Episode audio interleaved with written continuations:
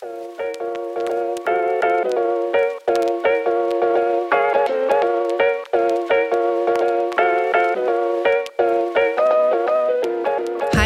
og velkommen til. Det du skal lytte til nu er en samtale, som blev optaget til et kursus på Adventistkirkens årsmøde den 19. maj 2023. Adventistkirkens hovedbestyrelse, også kaldet Unionsbestyrelsen, har bedt en arbejdsgruppe om at rådgive og komme med gode oplæg til, hvordan vi får en bedre samtale om og med LGBTQ personer og kirken. Jeg er formand for den arbejdsgruppe, og mit navn er Anne Maj Møller.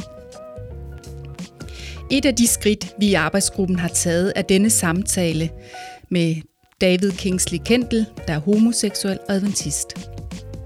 Han fortæller sin historie i en samtale med René Bistrup, der er præst og medlem af arbejdsgruppen. Først vil du høre Thomas Møller, formand for Adventistkirken i Danmark, der kommer med indledningen og oplægget til samtalen.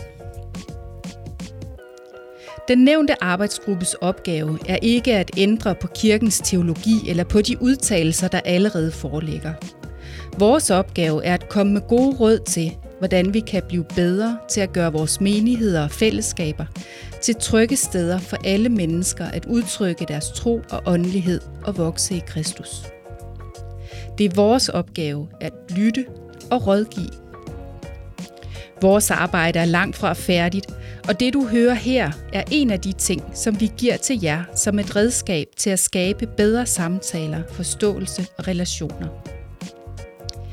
I næste episode vil du kunne lytte til et panel, der reflekterer over det, de hørte, og blev berørt af i samtalen mellem David og René. Men nu giver vi tiden til dem.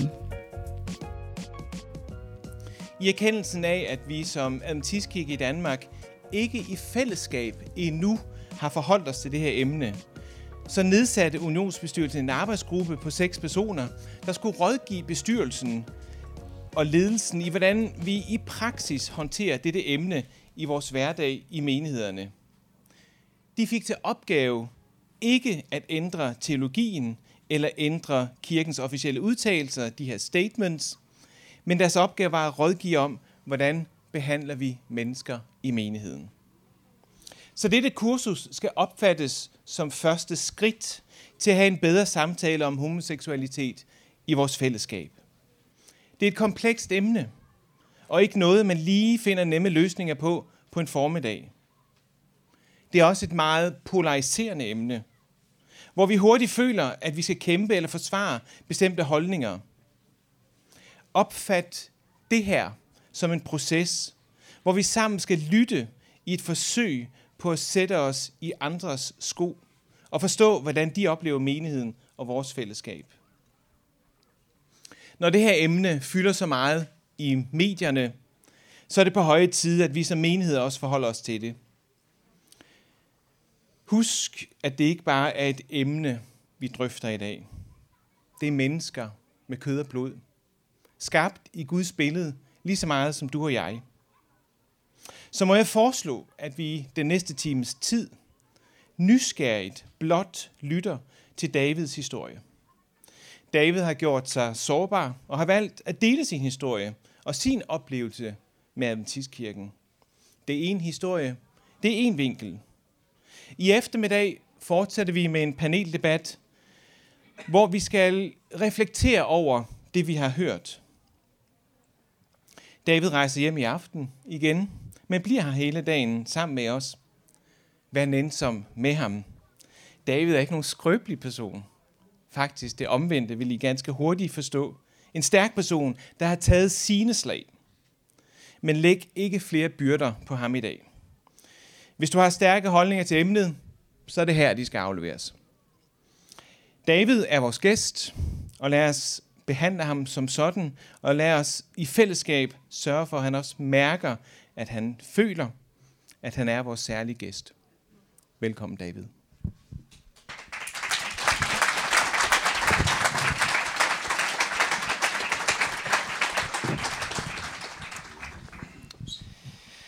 Ja, og jeg, øh, jeg har været så heldig at være en del af den her arbejdsgruppe, og da unionsbestyrelsen så, øh, da unionsbestyrelsen kom og spurgte, øh, om vi kunne øh, komme med en form for et kursus, så øh, drøftede vi det, og det her det er jo så det format, øh, vi er blevet enige om.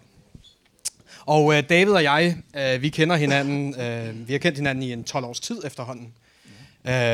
De første tre år øh, kendte vi hinanden øh, noget bedre, end øh, vi har sådan, brugt tid sammen de sidste otte års tid, eller ni år måske i virkeligheden. For David, jeg kunne godt tænke mig at indlede sådan med at fortælle lidt om der, hvor vi mødtes. Vi brugte nemlig tre år sammen på Newbold. David han læste sin bachelor i teologi, og jeg læste min master i teologi derovre. Og vi havde græsk sammen, og alle mulige andre gode fag, som vi bruger mere eller mindre. øhm, fordi øh, i dag snakker vi for eksempel ikke græsk. Det kunne vi godt, men øh, det er ikke det, vi skal. øhm, og jeg kan huske, jeg var faktisk sådan, øh, ret misundelig på dig. Øhm, og jeg var også lidt uenig med dig. Altså, øh, fordi øh, David han er vældig dygtig til at spille øh, klaver øh, og synge, og jeg kan også godt synge lidt, men, men du kunne ligesom begge dele, og det kunne jeg egentlig godt tænke mig. Og, og så hvilede du vældig meget i dig selv. Øh, eller sådan så det ud. Øh, din tro, den kom til udtryk øh, i en meget stærkere overbevisning end min. I de bibelstudier, som vi også havde bare i en mindre gruppe sammen, øh, der øh, var du øh, sådan ganske afklaret, eller virkede afklaret, og du øh, sad med stor visdom, og ydmyghed gik du også til øh, spørgsmålene med. Så da jeg i 2015 øh, læste øh, følgende øh, på Facebook, øh, så blev jeg en lille smule overrasket, fordi øh, mine øjne øh, havde øh, ikke set øh, det, jeg så øh, læste. Øh, du skrev, øh, farvel religiøsitet, og dem, der lige har været til møde med Ty Gibson, I kan måske høre øh, noget af det. Farvel religiøsitet og min religiøse kultur. Farvel til min kærlige adventistfasade. Og det her kærlige, tror jeg, var sådan, øh, mere eller mindre sarkastisk. Lovely, my lovely facade. Farvel adventistfilter, som jeg ser verden igennem. Jeg gav dig en chance, og du kunne ikke redde mig. Du knuste mig, undertrykte mig. Du satte min samvittighed i lænker. Farvel, indbilske, men vildt uhjælpsomme religiøsitet. Og al den selvfordømmelse, du har bragt ind i mit liv. Farvel, byrder, jeg efterlader dig i vejsiden. Jesus, tilgiv mig, fordi jeg ikke gjorde det tidligere. Det kom som en stor overraskelse for mig. For mig, øh, ja, der havde du virket oprigtig og rodfæstet, og du hvilede i Kristus. Ægte og autentisk. Ikke med en facade.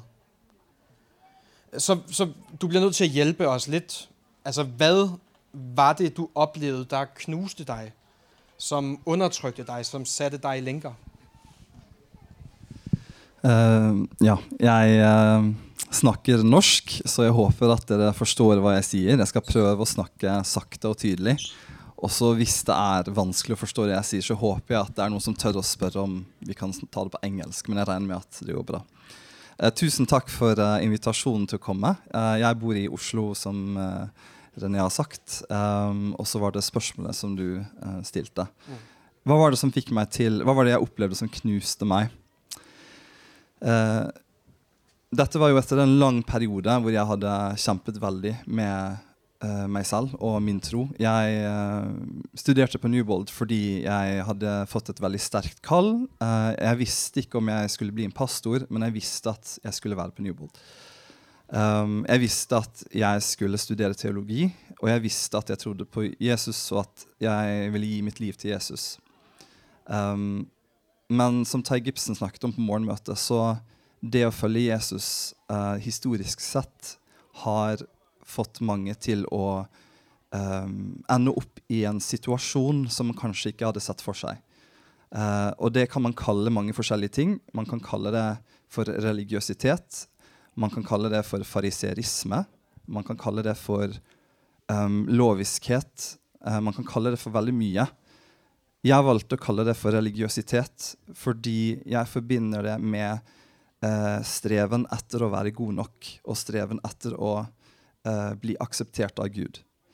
Um, og jeg trodde ikke at jeg strevde med det, for jeg trodde at jeg virkelig følte at jeg elsket Jesus. Jeg følte at jeg følte meg hjemme i kirken. Så da den tiltagende frustrasjonen av at jeg føler meg hele tiden um, At jeg må kjempe, kjempe, kjempe for å, for å kunne hvile i Gud, på en måte, uh, så innså jeg at, uh, at jeg må ta et oppgjør. Um, og det oppgjøret det var med den kulturen, den religion, religiøse kulturen som handler om å se bra ut, uh, som handler om å passe inn, som handler om å ikke gjøre noe som kan bli oppfattet som eh, vantro, eller som kan bli oppfattet som en svak tro, eller som ugudelig, eller som rebelsk. Fordi de tingene hadde jeg lært at det er ikke Guds vilje. Sant? Og det um, Ja. Uh, så det, det, handlet rett og slett om det å passe inn i kulturen uh, i kirken. Kirkekultur, religiøs kultur, som jeg følte at på det tidspunktet at nå, det klarer jeg ikke lenger. Jeg klarer ikke å, å passe inn i de forventningene. Mm. Og um, altså det kan jeg veldig godt sette meg inn i. Øhm, fra et, et helt andet perspektiv. Sidste år, der havde jeg en dag her på årsmødet, hvor jeg lige pludselig følte mig enormt ensom, og hvor at, at jeg øh, sådan havde den der, øh, hvis nu, altså kan jeg virkelig være mig selv. Og, og jeg tænker, at der er mange, som øh, på den ene eller den anden måde kommer til det der sted en gang imellem, altså hvor vi, hvis, hvis folk vidste, hvad jeg virkelig tænkte, eller hvordan jeg følte i den her situation. David, øh, indtil videre, så har du ikke, øh, da, du, da du skrev den her Facebook-opdatering, der havde du ikke, øh, der du endnu ikke skrevet øh, på Facebook, øh, hvad som måske udløste det. Og det har du jo så heller ikke øh, fortalt her. Så du synes, og øh, jeg kan huske, at jeg læste mange kommentarer, som var, øh, altså hvad handler det her om? Hvad er det for en facade? Øh, vi, vi trænger øh, noget opklaring, og folk spurgte dig, og det skrev du så. Så skrev du en, en, øh, afklaring eller en klargøring. Øh, så du skrev, jeg er en Jesus-elskende, og så på norsk vil vi sige homofil. Øh, på dansk så bruger vi mere homoseksuel. Og efter flere års kamp, så har jeg fundet fred med det. Og jeg ønsker ikke at undertrykke eller sætte det til side længere, men jeg vil tillade mig at søge efter kærligheden. Jeg elsker frihed. Jeg har brug for frihed til at tænke, handle og leve fra mit hjerte og min samvittighed, for at kunne leve i velvære, og ikke ud fra andres forventninger. Jeg har ingen planer om at opgive mit medlemskab eller forlade kirken. Det, jeg efterlader, er min facade, min attitude og min påtaget identitet. Altså den person, som jeg tidligere er blevet kendt som. Og hvis jeg så skulle miste mit medlemskab af kirken, så vil jeg stadigvæk øh, blive hængende og give det, jeg kan, der hvor jeg føler mig velkommen. Selvom jeg naturligt søger og værdsætter gensidig forståelse, så føler jeg ikke nogen forpligtelse til at forklare, retfærdiggøre eller forsvare mig selv for at opnå en grundlæggende menneskelig respekt og kristuslignende medfølelse. Så spørgsmålet, altså hvor vanskeligt var det her for dig at skrive? Ikke bare øh, det første med frustrationer, men også det andet. Jeg er homofil. Jeg giver mig selv lov til at blive elsket og at elske. Altså, du kunne jo bare være gået din vej. Ja. øh, jeg Min plan det var Jeg visste at jeg var homofil fra da jeg var 14-15 år gammel. Uh, min plan det var å uh, ikke gjøre noe med det. Fordi at uh, jeg, det var ikke min natur i det hele tatt. Uh, altså Det at jeg skrev det, det hadde jeg aldri i mitt liv sett for. Hvis noen hadde fortalt meg det, så hadde jeg ikke trodd på dem. Um, så uh, på en måte, når hele verden uh, raser sammen, og du innser at du, du, mister deg selv du, du, du trodde at Gud kom til å gripe inn, at Gud kom til å gjøre noe for deg, at Gud kom til å um, uh, imøtekomme og få deg til å føle deg bra. Og jeg følte meg bra i lang tid. Jeg hadde tenkt jeg skulle leve i sølibat. Jeg tenkte at jeg skulle uh, leve for Gud. Og så når, uh, når, den frustrasjonen og den ensomheten tiltar, og du ikke helt vet hva du skal gjøre, så da rakner livet litt. Um, så da hadde jeg bearbeidet det mye og innsett at jeg har ikke noe valg. Jeg hadde begynt å få veldig mørke tanker om hva jeg skulle gjøre med livet mitt. Uh, og da, Det var da jeg innså at jeg må, jeg må bare sette stopp. Og jeg, må, jeg hadde skrevet Tidligere så hadde jeg skrevet en blogg hvor jeg hadde snakket om homofili og skrevet at vet du hva, det her er ikke riktig å leve som homofil. fordi Bibelen er veldig tydelig på det at, Gud skapte mennesket til mann og kvinne, og um, at uh, det finnes ikke noe grunnlag uh, for å gå inn eller velge en sånn livsstil. Jeg skrev det her aktivt på Facebook. Og jeg var også åpen om at jeg selv hadde homofile følelser, hvis man skal kalle det det. Så jeg, hadde, jeg var veldig åpen om det. Um, men fordi jeg hadde vært så åpen om, om, det, at jeg mente det, at jeg hadde ment det, så følte jeg ikke at jeg kunne bare trekke meg tilbake og bare smyge ut bakdøren. Jeg følte at det er ikke rettferdig. Jeg har lært noe nytt. Jeg har kommet fram til noe nytt som jeg må være ærlig om. Jeg er ikke noen fan av å gå rundt og fortelle folk min seksualitet er ikke noe jeg syns er naturlig å snakke om. Jeg syns det er dumt egentlig at man må snakke om det. Uh, men jeg er villig til å gjøre det dersom det kan få folk til å forstå at det er faktisk ikke det det handler om. Det er noe viktigere enn det. Um, så da jeg skrev det på Facebook, så, så var det veldig motvillig. Og jeg innså at jeg måtte skrive det, for folk spurte hva mener du hva mener du, ikke sant, uh, med det du har skrevet. Så jeg skrev at det er grunnen til at jeg har måttet ta det oppgjøret.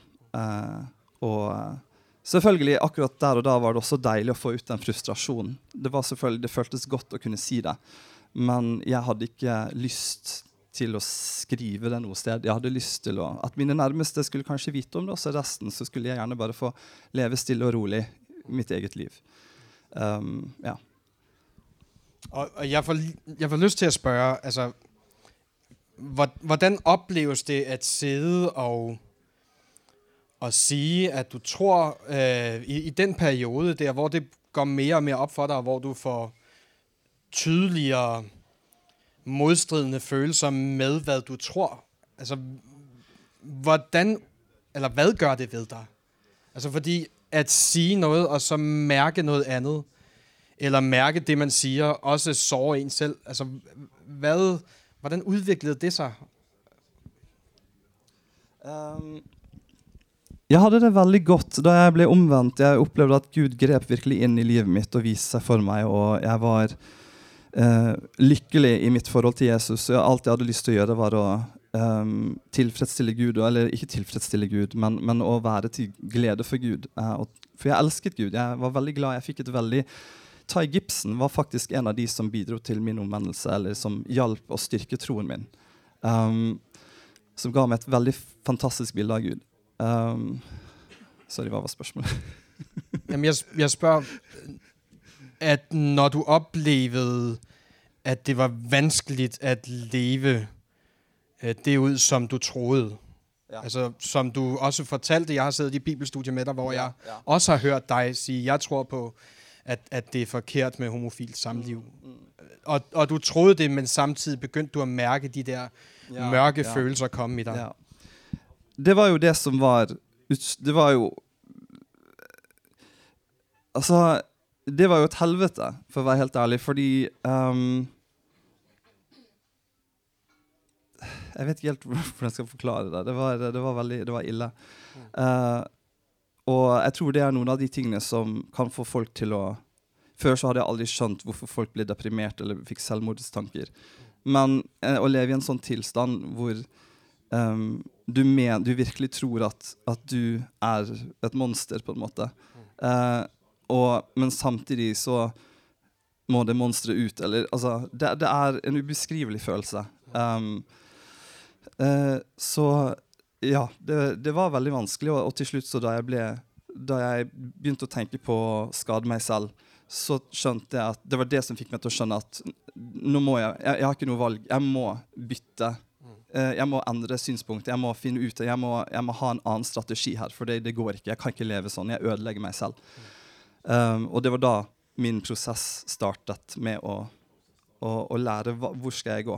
Skal jeg, hvem skal jeg høre på? Sant? Hvem skal jeg stole på? Hvem, hvem, kan jeg stole på nå? Det jeg har stolt på hele livet mitt og bygget livet mitt på, det har nå blitt eh, det har, det har, nå forårsaket en så enorm smerte at jeg ikke vet lenger hva som er opp og ned og venstre og høyre.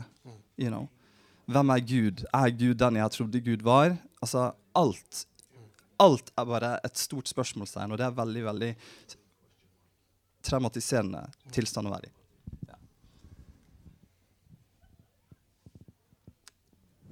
Og, og, det tænker jeg godt sådan kan fornemme dybden av her. Når selvhad erstatter kærlighed til selv. Jeg kunne tænke mig at vende øh, lidt tidligere tilbage, øh, altså tidligere i dit liv, fordi øh, på det her tidspunkt, øh, det er jo bare otte år siden, og der har du været i begyndelsen af 20'erne, eller, eller sådan midt 20'erne. Øh, så hvis vi sådan vender tilbage til din opvækst i kirken, øh, hvordan, hvordan har du oplevet den? Altså, og hvornår i hele den her opvækst i din øget selvbevidsthed? Altså, hvornår går det op for dig, at, at du er homofil? Og hvilke følelser bragte det frem i dig? Og, og hvad gjorde du med det, altså, da du første gang kom i kontakt med det? Ja. Altså, jeg har vokst opp i en adventistfamilie som jeg opplever har formidlet en veldig sunn gudstro. Um, uh, og jeg føler meg veldig heldig. Uh, jeg hadde et godt forhold til kirken. Jeg, jeg var ikke interessert i religion, uh, for å være helt ærlig, som barn. Jeg trodde på Gud, men Gud var en sånn fjern in, en idé som ikke jeg kunne helt forholde meg til. Så det var ikke noe som engasjerte meg. Men, men så fikk jeg en veldig sterk omvendelseserfaring da jeg var 16-17 år gammel. Eh, før den, den, erfaringen skjedde, eh, så begynte jeg å innse at jeg hadde Jeg var tiltrukket til, til gutter. Um, og det var egentlig ikke et issue. Det, det, fordi at det var før jeg Jeg vet ikke om det gir mening, men det var på en måte før jeg, jeg brydde meg så veldig mye om eh, tro. Eh, før jeg brydde meg om, om, Gud, om kirke. Jeg brydde meg på en måte ikke om, så mye om Jeg tror Hvis ikke jeg hadde hatt den omvendelseserfaringen, så hadde jeg ikke vært en del av Jeg hadde bare forsvunnet ut av kirken og tenkt you know, Jeg lever mitt liv. You know, who cares? på en måte. Um, så, så, før min omvendelse så var jeg bevisst på at jeg likte gutter. Og det var litt sånn awkward, det var litt ubehagelig, for jeg visste at det her var unormalt. Men, men, det var aldri noe jeg hadde tenkt at det her skal jeg, det her skal jeg gjøre noe med, det her skal jeg leve ut. Altså det, var, det fantes ikke. Det var helt utenkelig for meg. Så det var, det var ikke på en måte den, den konflikten. Uh, det var mer en følelse som var der. at ok, Og så jeg har alltid vært veldig engasjert med musikk. Jeg har, hatt, jeg har vært engasjert med eh, diverse aktiviteter som, som, har betydd veldig mye for meg. Som jeg har lagt veldig mye av mitt liv og min energi i. Som har gitt mitt liv veldig mye mening og glede. Så jeg opplevde dette med seksualitet som noe som ikke var en Det var ikke viktig. For det, det var ikke sånn at jeg Jeg hadde ikke behov for en for en part, Jeg følte liksom ikke at dette var noe jeg trengte å forholde meg til. Jeg hadde så mye annet i livet mitt som var så bra, og det her det var bare en liten sånn Ja, OK. Og da mamma fant ut ikke sant, Da vi hadde en samtale Eller hun eh, fant vel ut at jeg var homofil fordi jeg hadde snakket eh, med noen gutter på MSN Messenger. Og så spurte hun ja, hvorfor snakker du så mye med de guttene. Liksom sånn.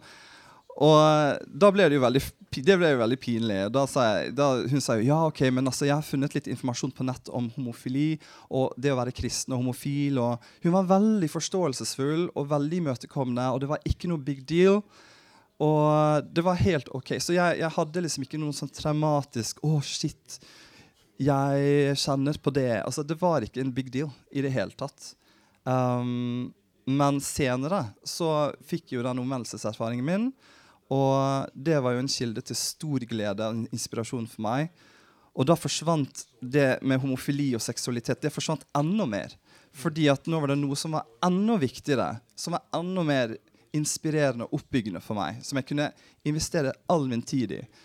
Um, så, så, det var alt det var veldig bakgrunnen uh, for meg. Det var ikke noe som Det smøg seg frem gradvis, og det var noe jeg hele tiden prøvde å you know, at det er ikke viktig. Det trenger jeg ikke å tenke på. Det er viktigere ting å tenke på. Um, ja. Så fra at din mor er en god mor, og er god til å rumme deg og øh, stille de der gode spørsmål, og ikke gøre et stort nummer ut av det, fordi det var ikke et stort nummer for deg, og så til at du øh, 10 år senere eller mere øh, måske, øh, fra din omvendelsesoplevelse, hvor du beslutter, jeg, altså, jeg vil leve i celibat, til så stedet, hvor du er med øh, suicidaltanker, selvmordstanker. Altså, kan du dele, altså, hvad, hvad, hvordan har du oplevet øh, den rejse? Fordi altså, det må alligevel have været tidspunkter, hvor du har skulle lægge noget til side, eller når tanken kom, så, nej, det har jeg styr på. Eller, altså, så hvordan, hvordan har den rejse været fra en stærk omvendelse til, nu kan jeg, nu er jeg skadende? Jeg ba veldig mye, eh, og det var ikke noe jeg gjorde fordi at Altså, min onkel Bjørn, som sikkert eh, noen av deres eh, kjenner, Bjørn Kendal, eh, han hadde sagt da jeg var barn, at uh, hvis du ber uh, noen minutter hver dag, så skal jeg gi deg din egen computer.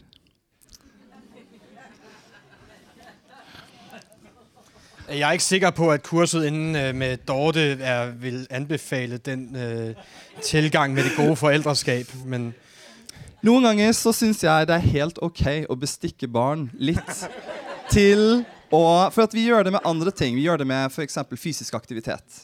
Hvis du er fysisk aktiv, så skal du få en belønning. Så jeg tenker spirituell utvikling, åndelig utvikling, det er ikke den beste metoden, nei. Ideelt sett så skulle det vært at de har lyst til å gjøre det fordi de elsker Jesus. Uh, jeg var glad i Jesus, men I didn't care that much for prayer. Uh, jeg prøvde. Jeg husker jeg knelte foran klokken så til kunne. Kjære Gud, uh, takk for en fin dag. Uh, takk for mamma, pappa og familien. Amen. Og da hadde det gått ett minutt. Og det var 14 minutter igjen for at jeg skulle få den, den computeren. Og det var bare første dagen. Det var my level of interest uh, i uh, ja, religion, um, tro. Men så fikk jeg den sterke omvendelseserfaringen, og da begynte jeg å be. Da ville jeg bare be hele tiden. Og da ble jeg kanskje litt for withdrawn. Uh, litt for innesluttet, fordi jeg var så opptatt av å forstå meg selv. og bare Det var så mye jeg hadde lært om Gud, og det fikk meg til å prøve å forstå meg selv. Hva betyr det for meg? Ikke i forhold til homofili, men bare alt. ikke sant? Når du oppdager noe helt nytt, så, så det, det, forandrer din identitet. Det forandrer alt. Du må tenke gjennom veldig mye.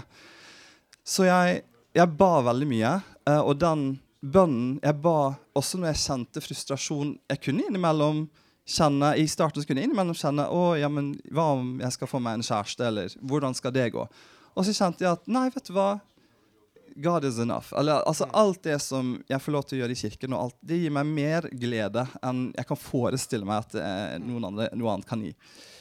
Så, så, det var min, mitt verktøy. Det var bønn. Jeg ba veldig mye. Jeg leste, jeg studerte teologi. Uh, uh, og det var på en måte det jeg hadde lært at um, Det er sikkert flere av dere som har hørt 'Pray the gay away'. Uh, at homofile de blir fortalt at hvis du ber nok, så, så løser det seg på en eller annen måte. Um, jeg vet ikke om jeg ba om å bli heterofil. Det tror jeg ikke jeg gjorde. fordi jeg, hadde, jeg, vet, jeg tror ikke jeg trodde på det, at Gud ville liksom endre legning. Det, det, men jeg visste at Gud kunne gjøre hva han ville.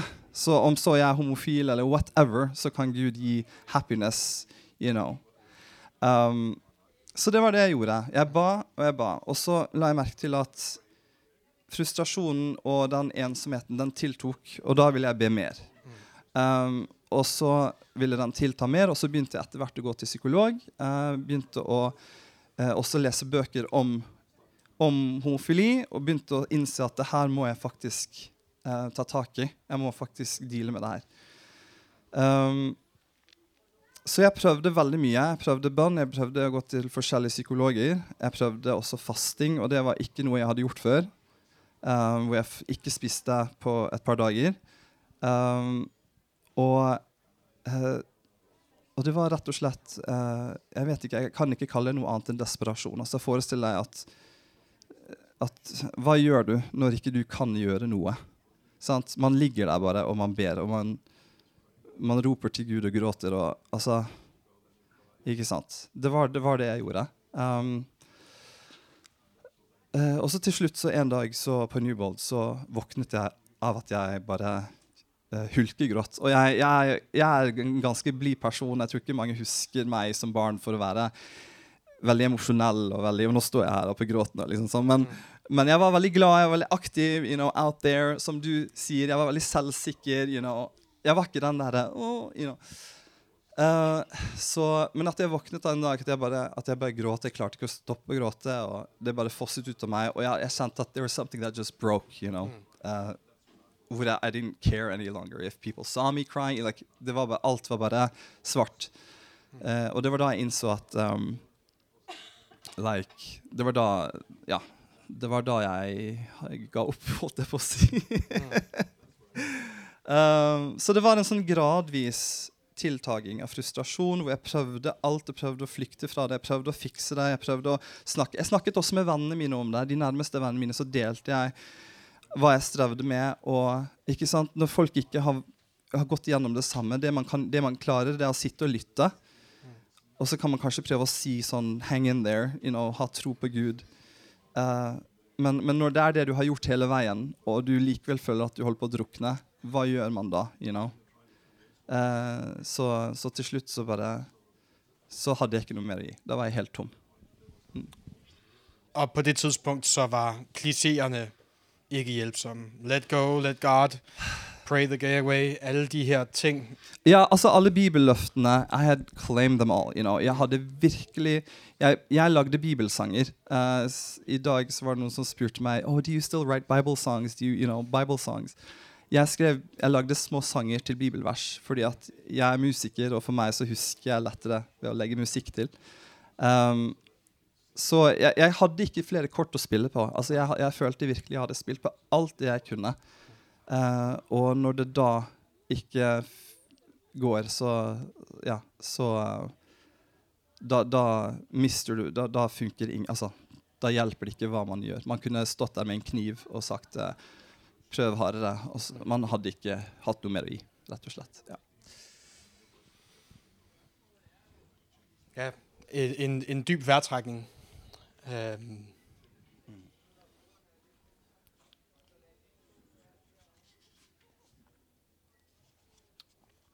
du forteller at uh, du hadde fortalt det til din mor, ja. uh, til noen få andre uh, gode venner, øh, som havde været samtalepartnere, som vidste det. Hvad frygtede du øh, mest, da, da du så øh, også kom til stedet, hvor at, at du tænkte, altså nu er der så mange, der spørger, hvad er det, du mener mm. med, at nu forlader jeg min øh, facade, nu, tager jeg, nu træder jeg ud af skallen. Ja. Hvad frygtede du mest ved at øh, stå frem? Øh, også for kirken, fordi det var jo mange mennesker i kirken, ja. som øh, så det, læste, kendte deg øh, på så mange måter i Norge, men også øh, i virkeligheden på tværs av hele verden, øh, fordi du fikk venner på Newbolt fra hele verden. Altså, hva, hva fryktet du mest? Hva var de største bekymringer om det? Jeg tror det er trygt å si at det var avvisning. Um, for jeg hadde jo lært at uh, hvis man lever i synd, eller hvis man lever på tvers av det Kirken lærer. Det er jo mange av oss som på en måte synder på en måte at ja, vi er litt selviske. Ok, noen små løgner. ok, ikke sant, Sånne typer. Men det er visse synder i Kirken som er Hvis du gjør det, da eh, Da er du en av dem. Da er du en av de der ute. Eh, det blir oppfattet som en veldig rebelsk handling. Og det var det jeg forventet at Kirken ville oppfatte det som. At det var en veldig rebelsk handling en veldig antikristen handling. Um, som da ville føre til at folk sa jeg, tror, jeg, jeg, forventet ikke at folk kom til å si 'Å, du gudløse hedning'. Uh, Det var ikke det jeg forventet, men du vet, man forventer at man mister venner. Altså, Kanskje at folk hadde sagt Jeg er lei for å høre det du har gått gjennom, og så får du ha lykke til videre. ikke sant? Men du kan ikke være medlem av kirken lenger pga. sånn du lever, eller det du har sagt. Um, en sånn polite uh, withdrawal, you know. Um, men da hadde jeg kommet til et punkt at vet du hva, hvis if they don't want me, then I I can't be somewhere that where I'm unwanted, you know. Så det var, det var derfor jeg skrev uh, Jeg er villig til å være, være, igjen de stedene hvor jeg føler meg velkommen. Um, og jeg skjønner ikke meg helt på folk som kjemper for å være medlem i kirken, som har vært medlem i en religiøs gruppe, og så vil den gruppen stemme dem ut av medlemskapet. Men de skal ha det medlemskapet i den religiøse gruppen. Altså, det, den der har jeg, altså For meg er relasjoner er gjensidig. Hvis, hvis, hvis, hvis, folk ikke vil ha meg der, så tenker jeg det er helt fair. Uh, men det er jo sårende, selvfølgelig. Det er jo mine venner, da, eller people that I thought you know, maybe were my friends. Uh, ja. Så, um, så, jeg forventet jo det. Uh, og det var derfor jeg jeg tenkte at I might as well just be completely honest because I'm probably going to lose friends anyway, you know. So I might as well just say it exactly as it is, you know. Um, ja. Og, og den frygt, var det så det, du mødte, da du sagde, at du var homofil? Mm. Altså, hvilke, hvilken, hvilke svar fikk du fra mennesker i kirken? Mm. Fordi en ting er, at du sier, at du frygtede det her, det var det, mitt spørgsmål gik på, men altså, hvilke, hvilke tilbagemeldinger fikk du? Hvilke svar fikk du? Hva skrev folk til deg? Ja.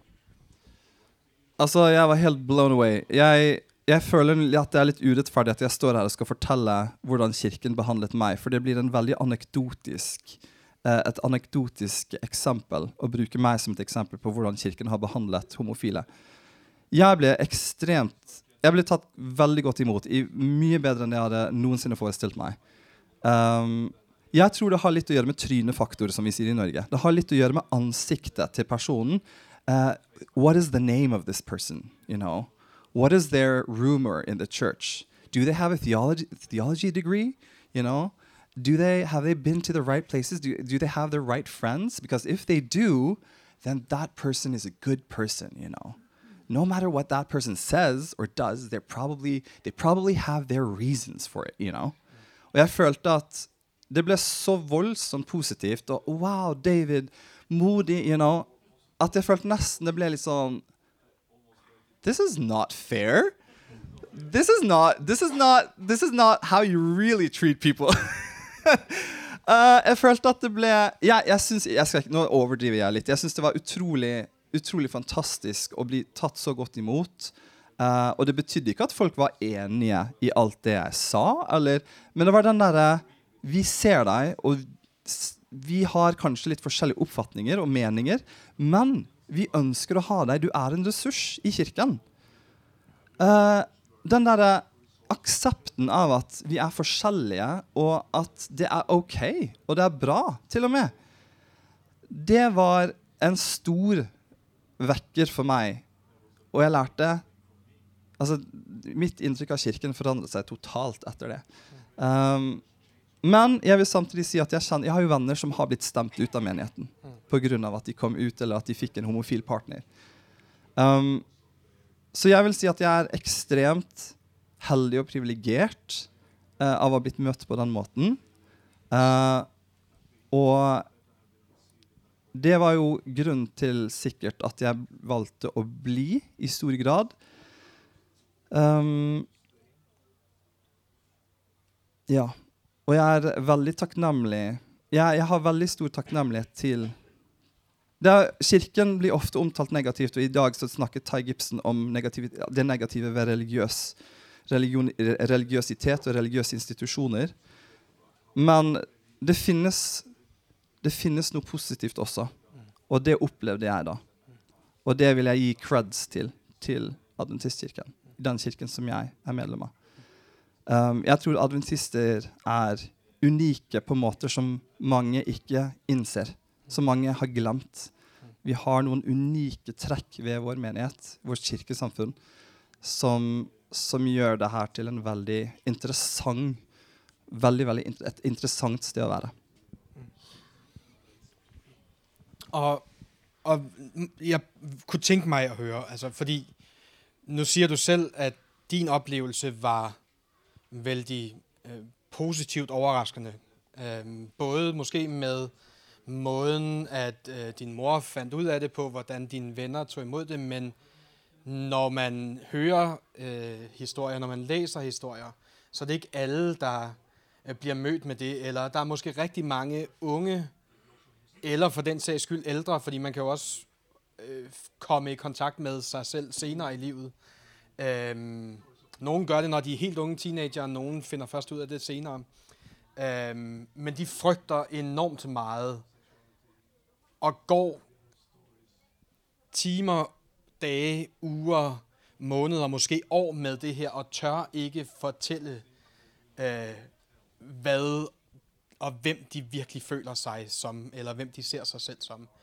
Altså, kan du give os nogle gode råd til, hvis du skulle give os nogle gode råd, altså hvilke gode råd skulle det være i forhold til, når, hvis vi er så heldige at blive betroet den tillid, at der er nogen, der siger det til os, hvad, hvad gør vi så, for at vi gør det allerbedst? Jeg tror kanskje mange er veldig redd for å stille spørsmål til en person som er veldig sårbar. Um, og jeg tror man skal være forsiktig med å stille veldig mange spørsmål i en veldig sårbar situasjon når man står med et menneske som åpner seg, og som setter ord på noe veldig sårbart. Um, altså, jeg, jeg, tror ikke det er Jeg tror ikke det er rocket science. Jeg tror det handler bare om å sitte og lytte. Um, og ikke være på hugget, eller ikke være um, opptatt av å måtte svare noe. At man må komme med et svar. Uh, bare å lytte til det de sier, uh, og, og, si kanskje si at 'jeg forstår det ikke helt'. Jeg skjønner det ikke. Jeg, være ærlig om det. Være ærlig om at 'dette har ikke du stått i før'.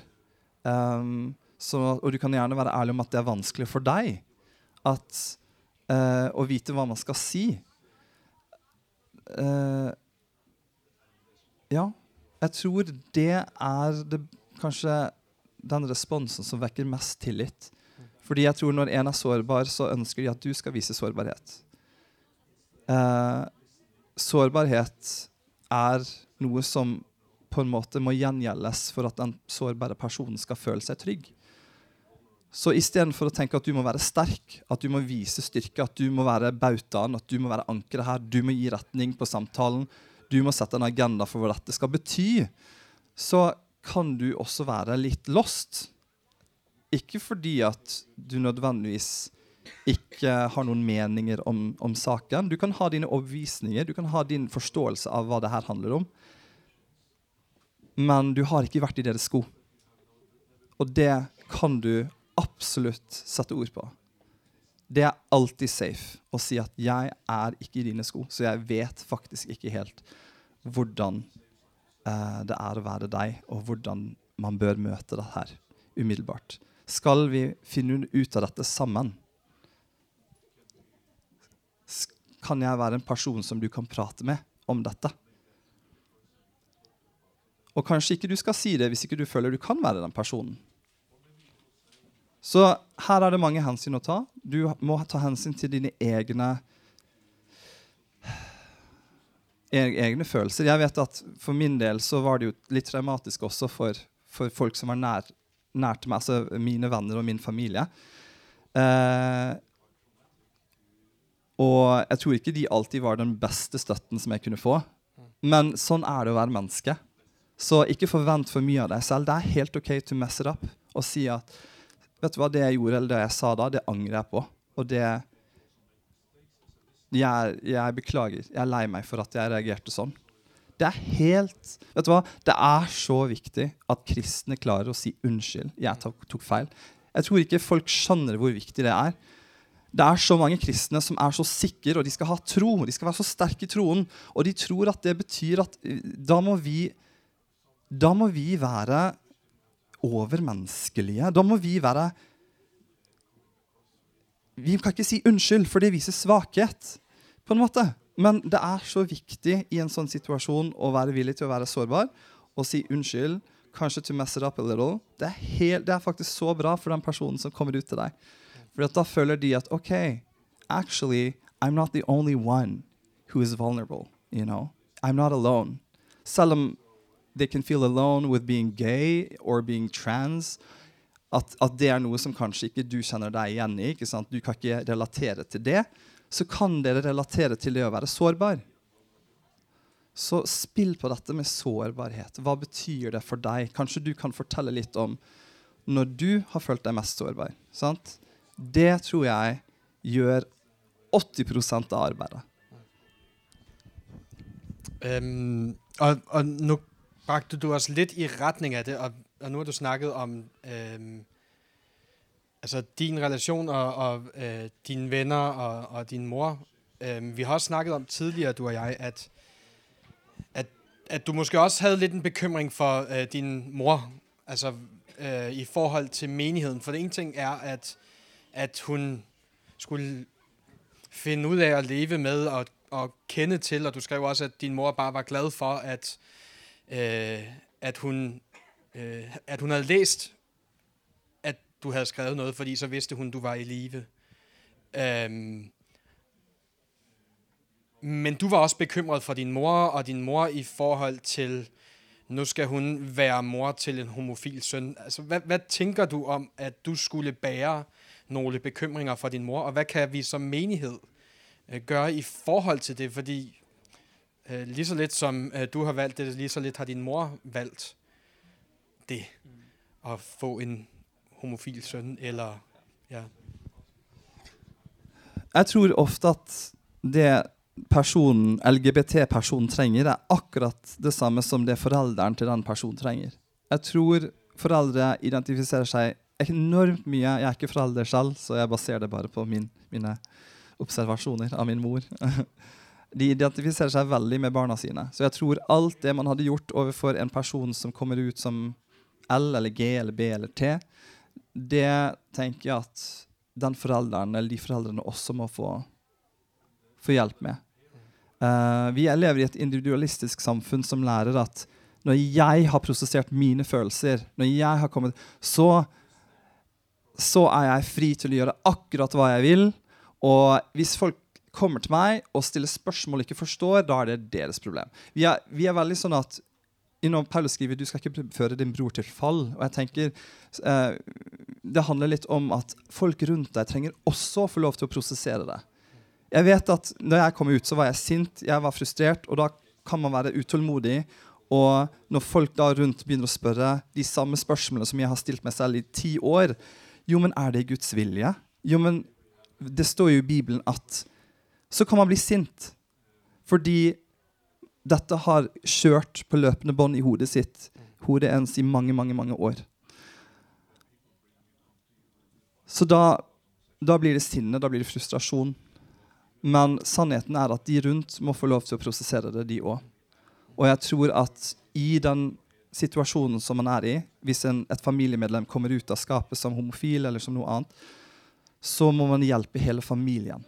Fordi at det er for mye å bære at den ene homofile personen skal skal svare på alle spørsmålene. Skjønner du hva jeg mener? Skal hjelpe alle de rundt seg til å forstå det, det, blir for mye for den personen. Og ofte så kan det derfor være et brudd i familien. At den homofile sier vet du hva, I'm done, I'm gone. You know, eller at familien um, bryter med den personen. ikke sant? Så jeg tror det er familien. Man må jobbe med familien. Ekst, ja, jeg tror det er veldig viktig. Og, og når du sier det, så er det to billeder, som jeg sådan, øh, finner frem fra Bibelen, som jeg tenker på. Mm. Øhm, altså Det ene billede er jo Paulus, øh, som sier øh, vi er et læme med mange lemmer. Og øh, forældrene er med i det der læme, og, og vores unge, som vokser opp, er medlemmer av det der leme. Og det å bli omfavnet og si 'selvfølgelig hører du til her', kan skyde noe skyld og skam til side. Og, og du har ikke snakket direkte om skyld og skam, men alligevel har det præget hele øh, samtalen. Ikke også? Det, som skyld og skam kan gøre ved os, det er, at vi kan gemme os enten på baggrund af noget, vi har gjort, eller på baggrund af, hvordan vi føler os selv, eller øh, hvem vi fortæller os selv, vi er. Øhm, og, og det, at du står her nu, er jo så en, et skridt i retning af, jamen du har trådt ud af det der med at gemme sig. Du er trådt frem, og du er ikke i skam længere. Øhm, og det er så ledende til det sidste spørgsmål øh, for øh, nu. Altså du er stadig, du beskriver stadig dig selv som værende adventist.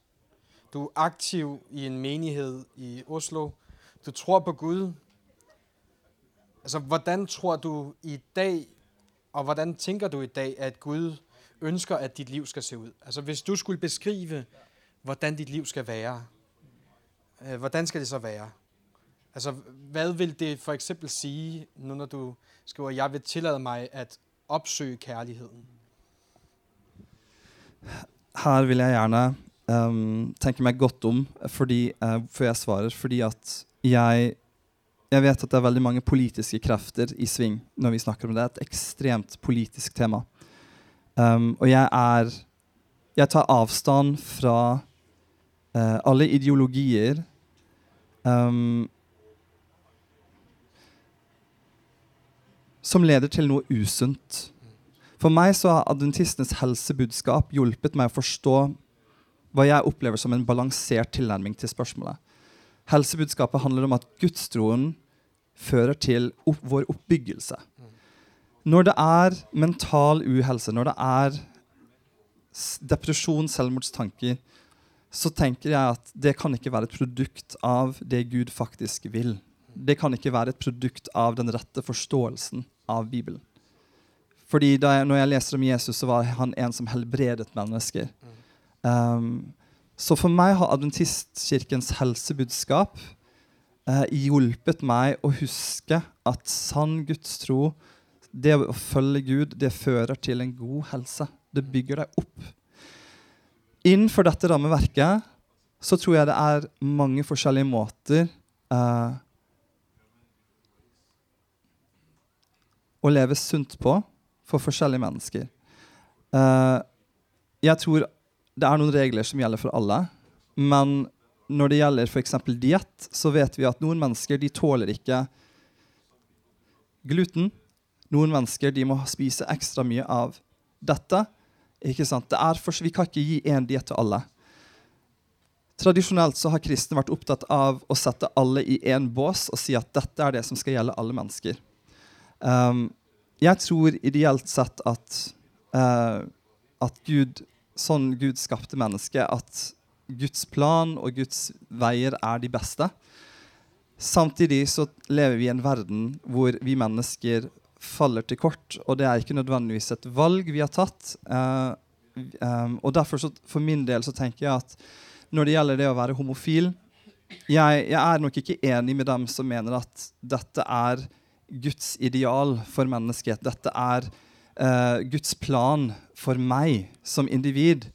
Jeg tror at Gud så meg og visste at jeg ville være homofil, men jeg er ikke enig i at Og det er mange grunner. Det kan vi, det er ikke, jeg trenger ikke ta det nå. Men jeg tror også at Guds nåde handler om å imøtekomme mennesker der de er. Fordi at eh, vi er bare mennesker. Og vi kan gjøre vårt beste og likevel ikke, være, ikke, ikke nå opp til Guds ideal. Og det håper jeg alle her har opplevd i livet sitt. At dere har gjort deres beste og likevel sett at vet du hva, min egen rettferdighet, den er ekstremt liten. Uh, og det er det jeg tror det betyr. Uh, det er det jeg tror um, det gjelder for meg som homofil. Jeg tror at uh, For meg så vet jeg at når det gjelder min homofili, så er det Om det er Guds vilje, det skal jeg ikke si, men jeg tror at Gud ivaretar mine behov. Uh, og jeg, det jeg opplevde, den frustrasjonen og den ensomheten som tiltok, det var jo, som jeg innså etter hvert, det var behovet for en partner. Det var det at jeg følte meg eksistensielt alene. Og jeg, alle vennene mine begynte å få kjærester og begynte å gifte seg. Uh, og jeg vet ikke om det er noen av dere som har vært singel mens alle vennene deres har på en måte vært i forhold. Det er litt dritt å være i den situasjonen. Man sitter litt på ytterkantene, ikke sant? og så kan man holde på med sine egne ting. Men Adam, Da han ble skapt i Edens hage, så står det at Adam ikke fant noen som var sin make. Og i Guds paradis, altså i den fullkomne verden som Gud skapte, så var Adam faktisk ensom. Uh, og det, det, det, det, forteller meg at selv alt kan være perfekt, alt kan være fullkomment, men når du ikke kan dele det sammen med noen, så vil det være et hull der. Og mange vil kanskje si at jo, men det hullet, det fyller Gud. Men Adam følte det ikke slik. You know, Gud skapte faktisk en partner til Adam.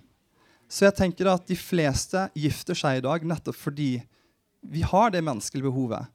Eh, det handler ikke om sex. Det handler ikke om bare å gifte seg for ikke brenne ved begjær.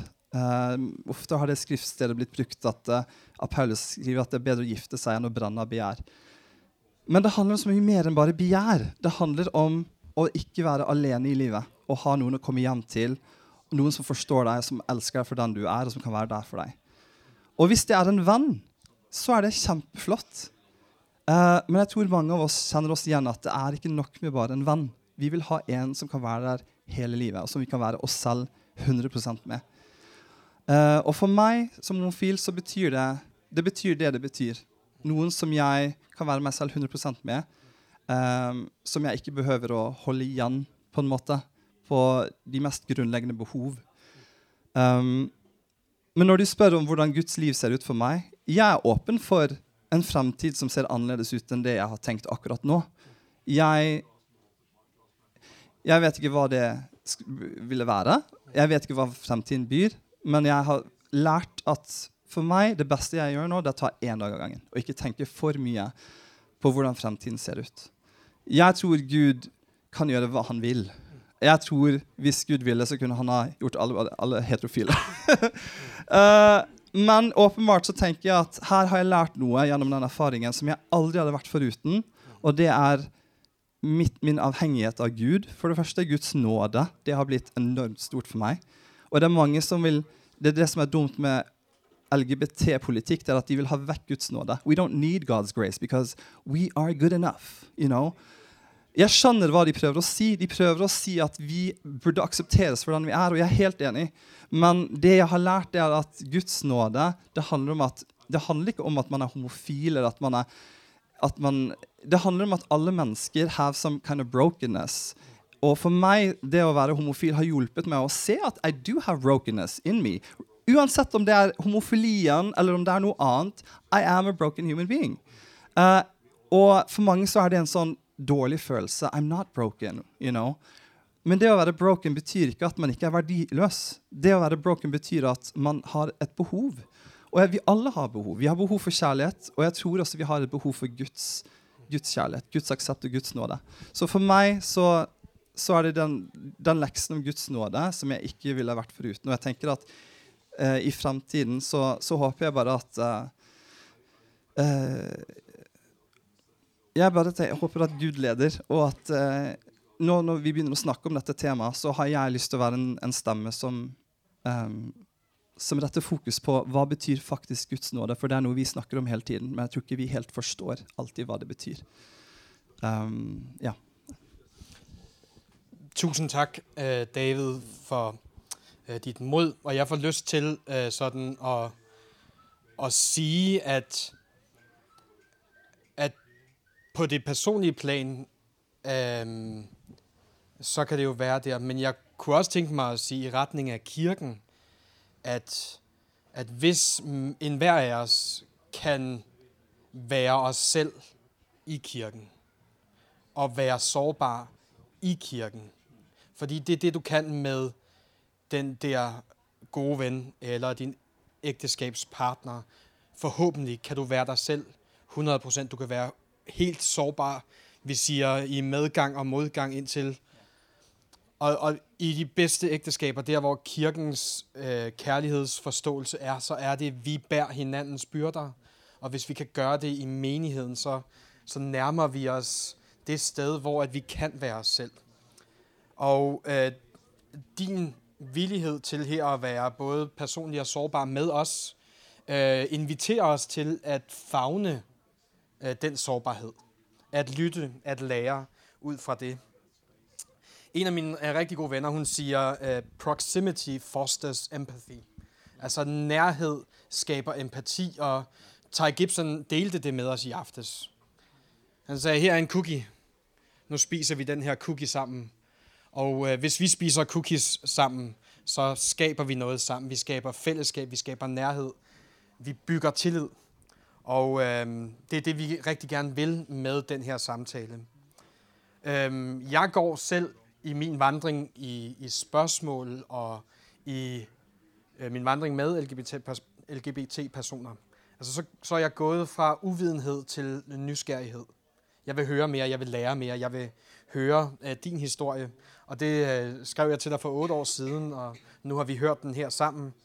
Og øh, det har fået mig til at få en større indlevelsesevne i andres liv.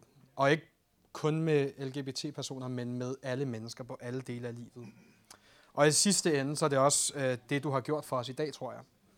At du har bragt den her virkelighed tættere på os.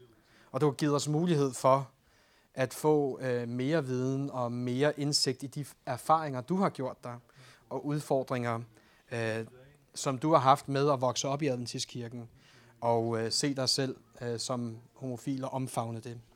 Og øh, med det, øh, så er vi faktisk øh, færdige øh, for nu. Øh, jeg kunne rigtig godt tænke mig, at I lige sådan er med på, at øh, nu skal David have lov til lige at øh, sunde sig og øh, så videre. Men David han kommer til at være herhen over eftermiddagen. Øhm, men altså nu når man har delt så meget her, så giver man meget af sig selv, og øh, derfor så øh, beder vi jer lige om at, at respektere Davids øh, sådan øh, sfære. Øh, og øh, det beder kommer vi også til at bede om i eftermiddag med dem, som deltager i panelet. Og øh, Thomas sagde det tidligere, at øh, hvis der er mange spørgsmål, jamen, så må I øh, komme til øh, Thomas. Hvis I fanger mig, øh, så, må jeg jo, så er I også velkomne til at, at byde mig ind. Jeg er betalt for at være her. Det har I gjort. Øh, så tak for nu. Øh, tak for jeres gode orden. Giv lige øh, David en stor hånd. Tak.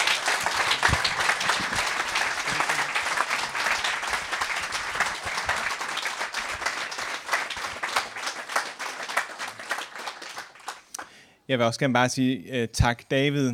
Um, I kender det, når I står i lufthavnen og bliver bedt om at gå til siden i de der kropsscanner der. Så skal man lige uh, scannes fuldstændig igennem. Og på mange måder tænker jeg, uh, du har gjort dig utrolig sårbar og fortalt din historie til os i dag. Og det vil jeg gerne anerkende og sige tusind tak for. Vi følger op i eftermiddag med en panel panelsamtale og uh, reflekterer over de tanker, øh, som David har øh, sat i gang hos os. Øh, og der er ikke så meget mere at sige. God frokost. Tak fordi du lyttede med. Jeg tænker, at dette også berørte dig, og forhåbentlig gjorde dig klogere på Davids erfaring og oplevelse. Den er selvfølgelig ikke dækkende for alle mennesker på LGBTQ plus spektret, men her har du lyttet til én stemme. I næste episode vil du kunne lytte til et panel, der reflekterer over det, du har lyttet til i samtalen her. Hvis du har brug for at tale med mig eller en anden præst eller en samtalepartner, så er du velkommen til at kontakte mig, enten i en privat besked på de sociale medier eller på e-mail anne-maj.muller jeg kan også oplyse dig om, hvem der ellers sidder i arbejdsgruppen, hvis du vil i kontakt med os.